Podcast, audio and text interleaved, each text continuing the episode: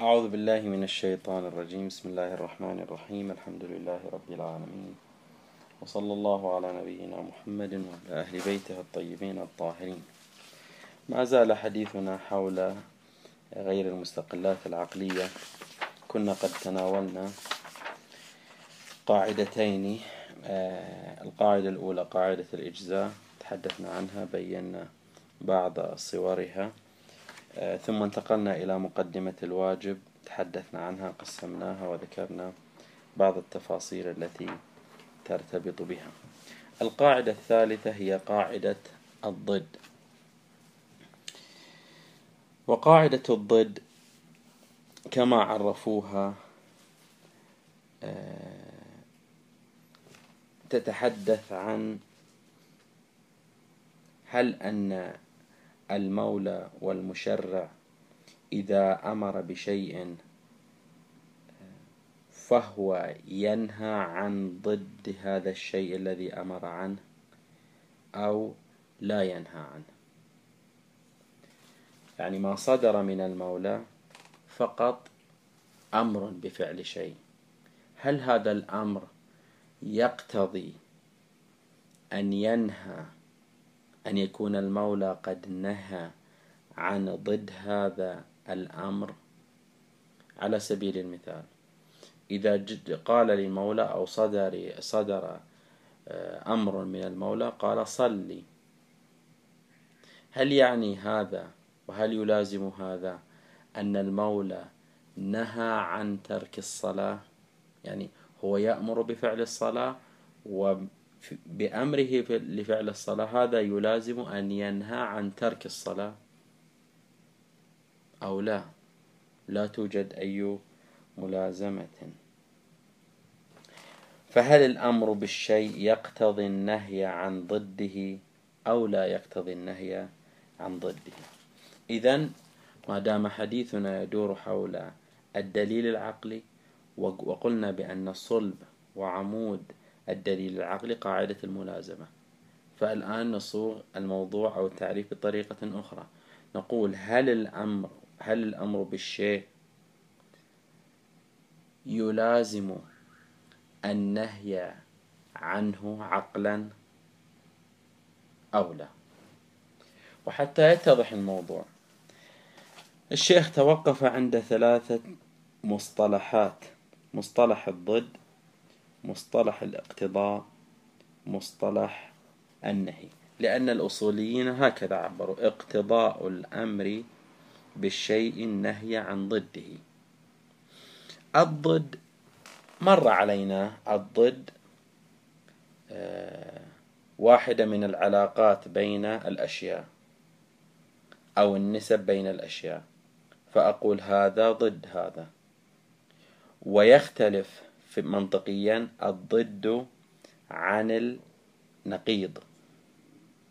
فكما قيل لنا بأن الضدان قد لا يجتمعان وقد يرتفعان. أما النقيضان فإنهما لا يجتمعان ولا وأيضا لا يرتفعان. لا بد أن يتصف الشيء بأحد النقيضين.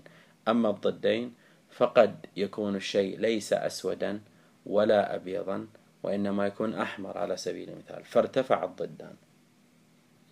هل الضد في هذه القاعدة الأصولية بمعناه المنطقي أو مختلف؟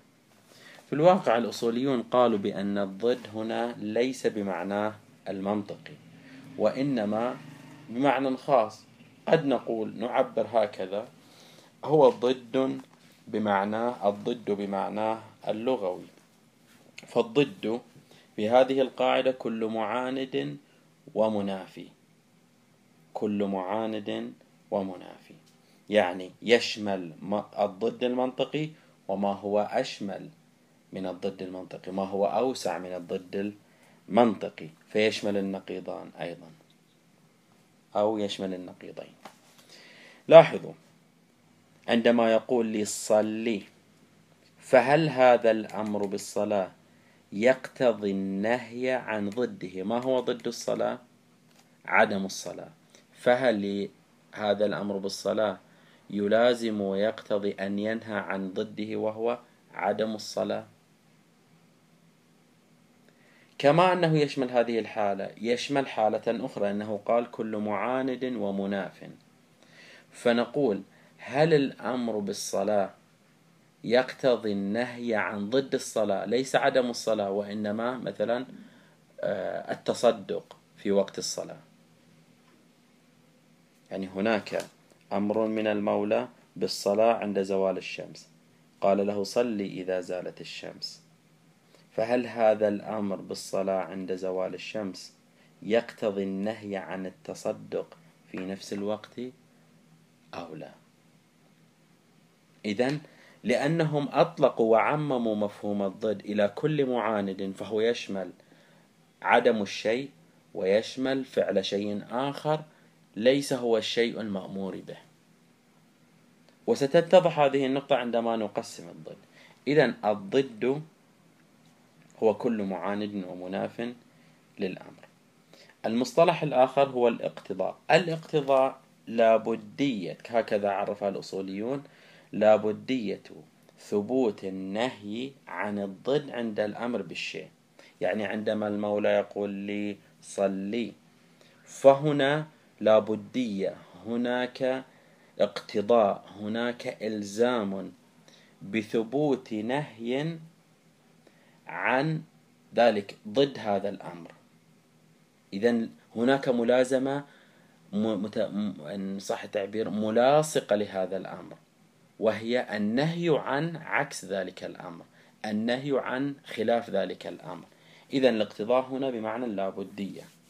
والنهي واضح أنه هو الالتزام بالترك. إذا لو نقرأ التعريف مرة أخرى بعد أن تعرفنا على هذه المصطلحات هكذا يكون. يقول هل الأمر بالشيء بالصلاة يقتضي ويلازم لابدية النهي عن ضده يعني عن عدم الصلاة أو عن التصدق في وقت الصلاة أو لا يقتضي أو لا, لا توجد هناك لابدية وبتعبير آخر هل هذه القاعدة يمكن إدراجها ضمن الملازمة؟ هل هذه القاعدة آه، توجد فيها الملازمة العقلية أو لا توجد؟ إذا هذه الفكرة الأساسية. الأصوليون قسموا الضد كما قلنا تبعا لتوسعتهم مفهوم الضد إلى قسمين. الضد العام والضد الخاص. الضد العام هو ترك المأمور به. يعني عندما يقول لي صلي عند زوال الشمس فضده ضده العام ما هو؟ عدم الصلاة عند زوال الشمس. فهل إذا أمرني بالصلاة عند زوال الشمس فهو ينهاني عن ترك الصلاة عند زوال الشمس أو لا؟ يقول كأنه يقول لا تترك الصلاة عند زوال الشمس. هل هناك نهي نعم ملازم لهذا الأمر أو لا؟ هذا هو الضد العام.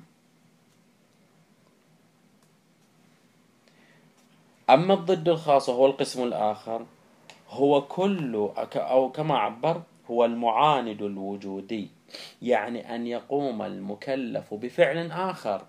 ليس هو ضد ال... ليس هو عكس أو ترك المأمور به. فعل آخر ولكن هذا الفعل الآخر يمنع من يمنع المكلف من أن يقوم بما هو مأمور به. نرجع إلى مثالنا. عندما يقول للمشرع إذا زالت الشمس إذا نعم إذا زالت الشمس فصلي. هل هذا يلازم بأن يقول واترك كل فعل غير الصلاة هل هناك تلازم بين الأمر بهذا الشيء والنهي عن ضد؟ ونعم الأمر بالشيء يلازم النهي عن ضده أو لا؟ إذا عندما وسع الأصوليون مفهوم الضد وجدوا أنفسهم بأن هذا الضد تارة ضد الأمر تارة يكون ترك الأمر المأمور به وتارة يكون فعل آخر يمنع من القيام المكلف بهذا الفعل المأمور به. فهل عندما أؤمر بالصلاة أؤمر بالصلاة فهناك نهي عن القيام بأي فعل آخر ولو كان عباديا أو لا. هذه الفكرة التي آه، يريد الأصوليون آه، الحصول على الإجابة عليها من من هذا البحث. هل الأمر بالشيء يقتضي النهي عن ضده أو لا يقتضي؟ وما دام الأصوليون قد قسموا الضد إلى عام وخاص لابد أن بداية نسلط الضوء على الضد العام؟ هل يقتضي النهي عن هل الضد يقتضي النهي النهي عن ضده الخاص ضده العام عفوا؟ أو لا. ثم بعد ذلك ننتقل إلى الضد الخاص. هناك رأيان في المسألة. الرأي الأول وهو مشهور العلماء. أن الأمر بالشيء يقتضي النهي عن الضد عن ضده نهيا شرعيا. يعني يعني يريد أن يقول يريد أن يقول بأن كما أن هناك أمر شرعي بالفعل هناك نهي شرعي هناك نهي شرعي بتركها بالنهي عن ترك هذا الفعل. فكأن هناك أمران كأن هناك أمران كأن هناك نعم كأن هناك نصان أحدهما نص ظاهر وهو الأمر بالشيء وهناك نص آخر هناك معنى آخر تضمنته ال تضمنه هذا النص وهو النهي عن هذا عن ترك هذا الفعل عن ترك هذا الفعل هذا الرأي الأول. طبعا الشيخ هنا لم يذكر الأدلة. لم يذكر الأدلة وإنما اكتفى فقط آه، بأنه آه، فقط صور لنا المسألة ولم يذكر لنا مثلا لماذا ذهبوا إلى أن هذا النهي نهي شرعي.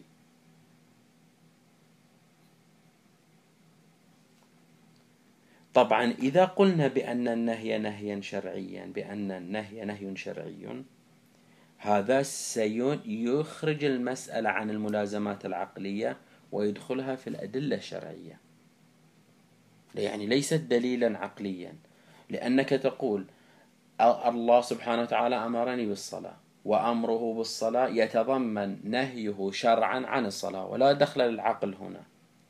فإذا لا, لا يوجد محل للعقل. لذلك الأصوليون اختلفوا في أن هذه المسألة هل هي مسألة مرتبطة آه، بالعقل أو أنها من المسائل الشرعية. فإذا وقع خلاف بينهم في هذه المسألة بناء على آه، النتيجة التي يخلصون إليها أن النهي شرعي أو ليس شرعي.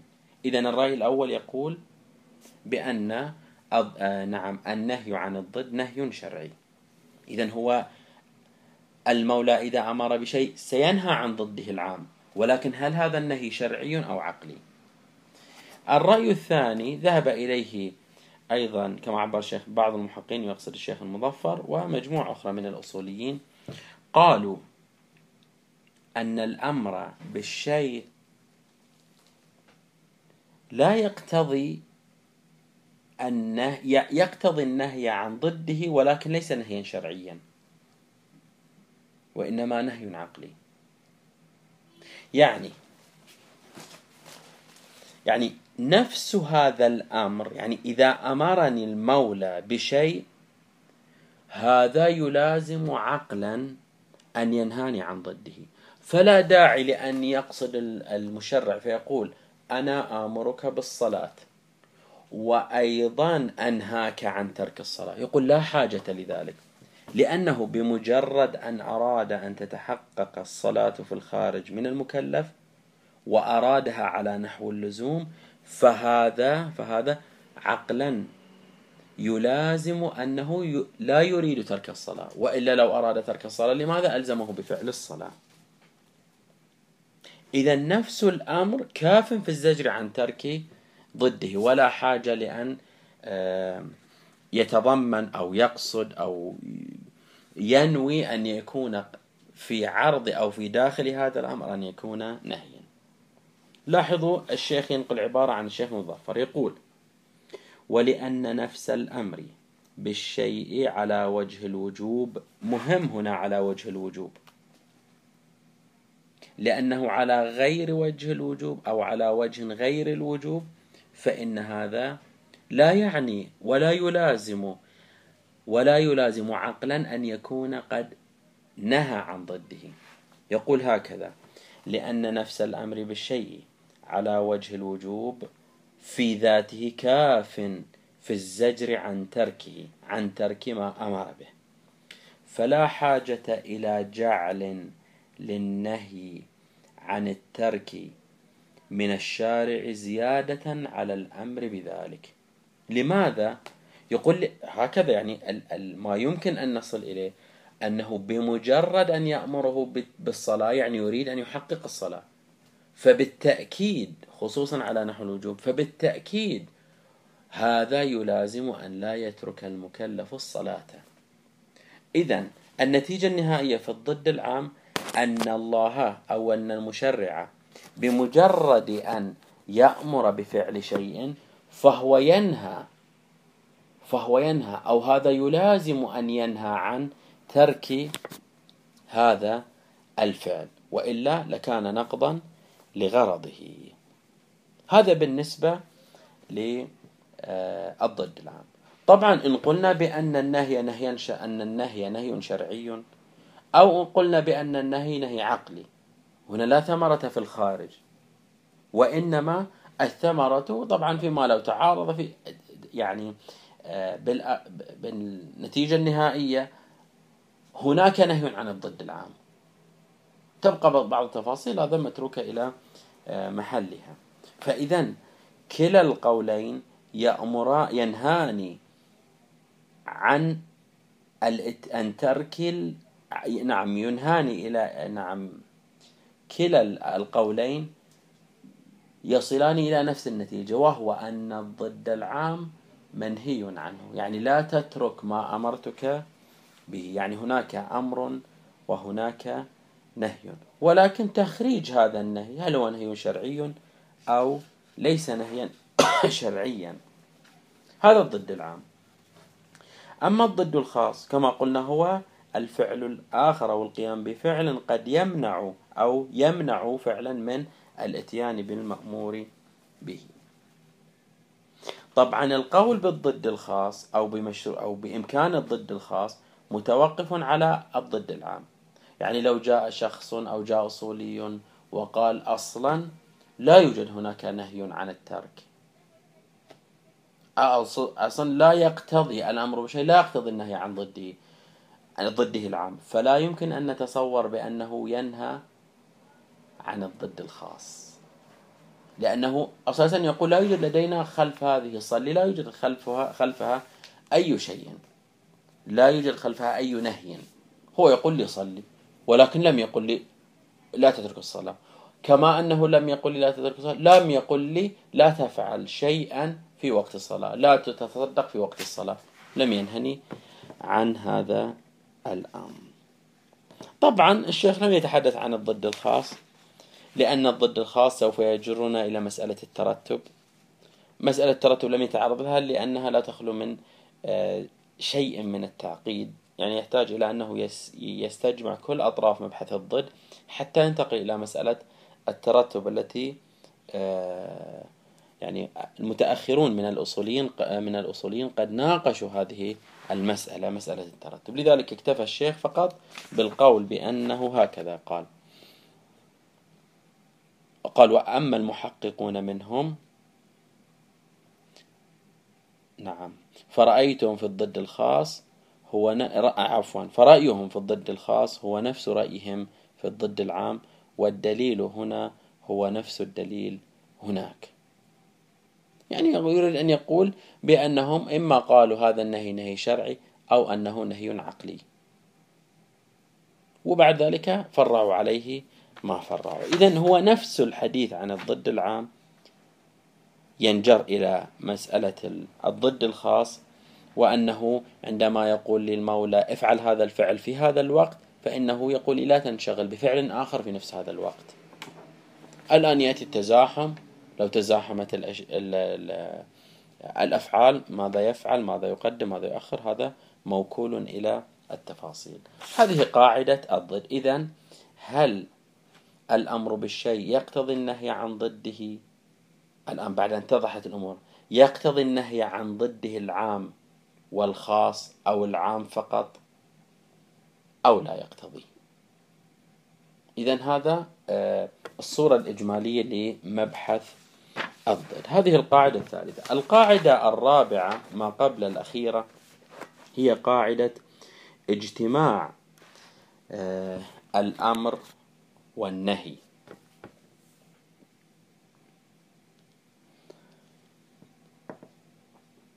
جيد. ماذا يقصد الأصوليون من آه، قولهم أو هذه القاعدة؟ آه، هل يمكن اجتماع الأمر والنهي. يعني هل يمكن أن يصدر أمران أو خطابان شرعيان؟ أحدهما يأمرني بالفعل والآخر يأمرني بترك نفس الفعل أو لا. مثل مثالهم المعروف هكذا. يقول لو كان هناك شخص في أرض مغصوبة وحل وقت الصلاة. هنا في هذا هذا الحين هذا الوقت هناك أمر يقول له صلي وهناك نهي يقول له لا تستمر في الغصب. لأنهم يعتقدون بأن الحركة في المكان المغصوب هو استمرار وهو تجديد لعملية الغصب. فإذا لو التقى لو التقى المأمور به والمنهي عنه في شيء واحد بحيث نفس هذا الشيء تعلق به أمر ونفس هذا الشيء قد تعلق به نهي. هنا ماذا يفعل المكلف؟ أصلا هل يمكن أن يجتمع الأمر والنهي؟ وإذا اجتمع الأمر والنهي ماذا نقدم؟ هل يفعل الأمر أو يفعل النهي أو يتركهما معا؟ أو ماذا يفعل؟ أو يجمع بينهما؟ ماذا يفعل؟ إذا اجتماع الأمر والنهي. إذا اجتمع أمر ونهي على موضوع واحد على فعل واحد.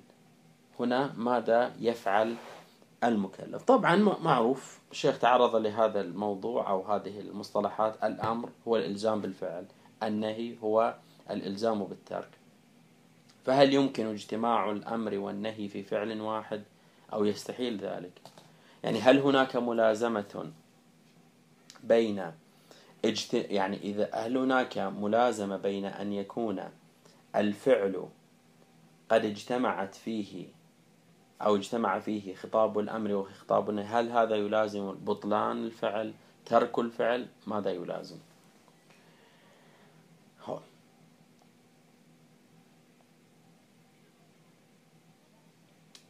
أيضا اختلفوا في هذا الموضوع. قسم أثبت وقسم نفى.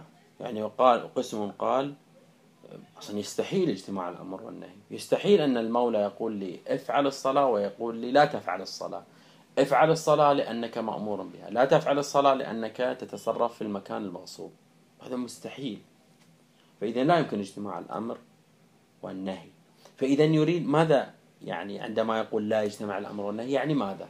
يعني في الواقع هناك خطاب واحد إما خطاب الأمر أو خطاب النهي. لا يمكن تصور خطابين مع بعضهما البعض في موضوع واحد. هذا الرأي الأول. الرأي الثاني قالوا لا يجوز اجتماع الأمر والنهي وهو ممكن لا مانع عقلي عن الالتزام باجتماع الأمر والنهي في موضوع واحد. وقالوا حتى نصور هذه المسألة لابد أن نقسم اجتماع هذا الاجتماع بين الأمر والنهي إلى قسمين. تارة يجتمع الأمر والنهي مع وجود هكذا عبروا مع وجود المندوحة. يعني مع وجود فرصة ومجال للتخلص من هذه هذا الاجتماع. هذا الإنسان اجتمع عليه أمر ونهي في وقت واحد ولديه طريق للتخلص من هذا الاجتماع. بأن يخرج مثلا من الأرض بأن مثلا يؤخر الصلاة غير ذلك كما سنأتي. إذا هذا القسم الأول. وتارة يكون هذا الاجتماع مع الاضطرار.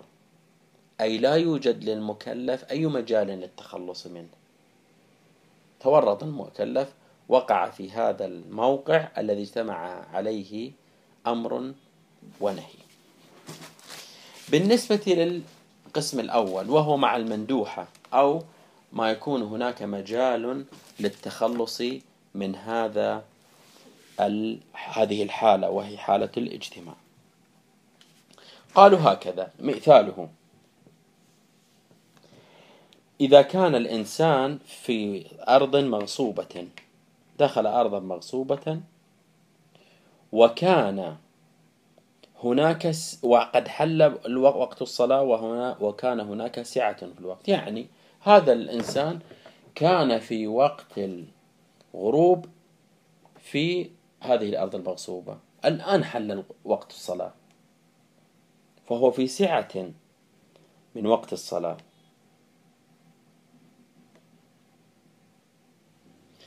يقول هنا لاحظوا اجتمع الأمر والنهي اجتمع أمر بصلاة المغرب. ونهي عن التصرف المغصوب. يقول فإن هذا الفعل باعتباره صلاة هو مأمور به وباعتباره تصرفا بمال الغير بغير رضاه فهو منهي عنه.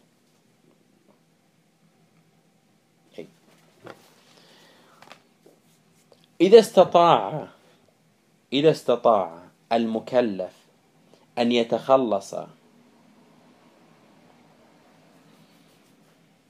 من هذا ال ال من هذا الضيق من هذا الاجتماع يتخلص منه. إذا قلنا لاحظ لابد أن نفرق هنا. إذا قلنا بالامتناع وعدم اجتماع الأمر والنهي فإنه لا بد أن يرجح الفقيه أحد الأمرين. هل يقدم الأمر أو يقدم النهي؟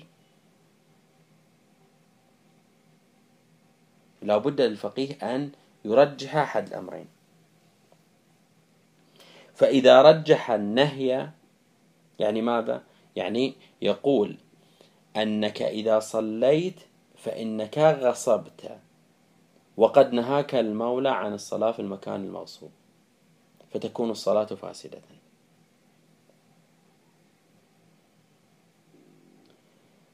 وتارة يرجح جانب الأمر. يقول يقول هنا المقدم هو الأمر بالصلاة. يقول لك صلي ما دام حل وقت الصلاة فصلي.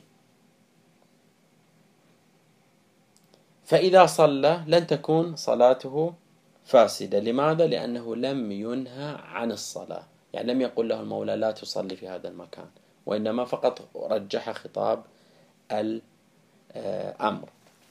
فإذا إذا قلنا إذا قلنا بجواز اجتماع الأمر والنهي هو وقوع العبادة صحيحة وذلك للاختلاف في جهة تعلق النهي وتعلق الأمر فإن كل منهما متعلق بجهة غير الجهة التي تعلق بها. الآن أعيد هذا هذا التصوير. إذا قلنا بأن الاجتماع ممنوع نقول للفقيه لا يجتمع الأمر والنهي. أيهما نقدم؟ تارة يقول نقدم الأمر. قدم الأمر فيصلي هذا المكلف وصلاته صحيحة. تارة يقول نقدم النهي.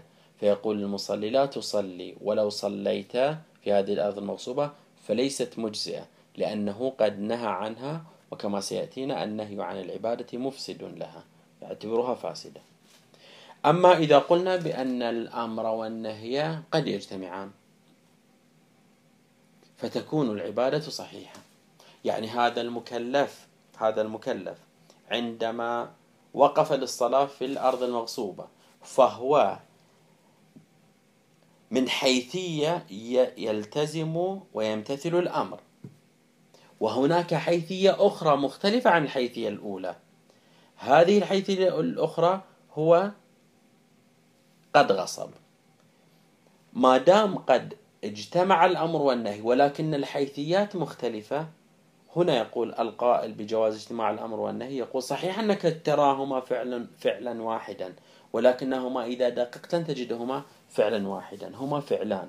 امتثال للصلاة وتصرف في الأرض المغصوبة تصرف في الأرض المغصوبة معاقب عليه أو مأثوم عليه لنقل وتصرفه أو صلاته في أو هذا الامتثال للصلاة مثاب عليه وامتثال لما أمر الله سبحانه وتعالى به. إذا الجهة التي تعلق بها الأمر مختلفة عن الجهة التي تعلق بها النهي. وبتعبير آخر. عبارة شيخ مقتضبة. أو أحاول أن أوضحها بأكثر من بيان. بتعبير آخر. نحن نرى أن الأمر والنهي قد اجتمعا على فعل واحد. ولكن لو فككنا هذا الفعل سنجد أنهما أن الأمر تعلق بشيء والنهي تعلق بشيء آخر. فيمكن اجتماع الأمر والنهي. بل يقال أنه ليس اجتماعا للأمر والنهي. وإنما الأول الأمر اجتمع على حيثية والنهي اجتمع على حيثية أخرى. إذا هذا بناء على وجود مندوحة يعني بناء على إمكان أن نتخلص. ليس, ليس هناك حالة اضطرار. يعني لا يقول المكلف أنا مضطر. ضاق الوقت وأريد أن أصلي. إما أن أصلي أو أنني يعني إما أن أصلي وتقع الصلاة في الأرض المغصوبة فتكون فاسدة أو لا. هذا مع وجود المندوحة. أما مع الاضطرار فإن شاء الله نتعرض له في الجلسة القادمة والحمد لله رب العالمين.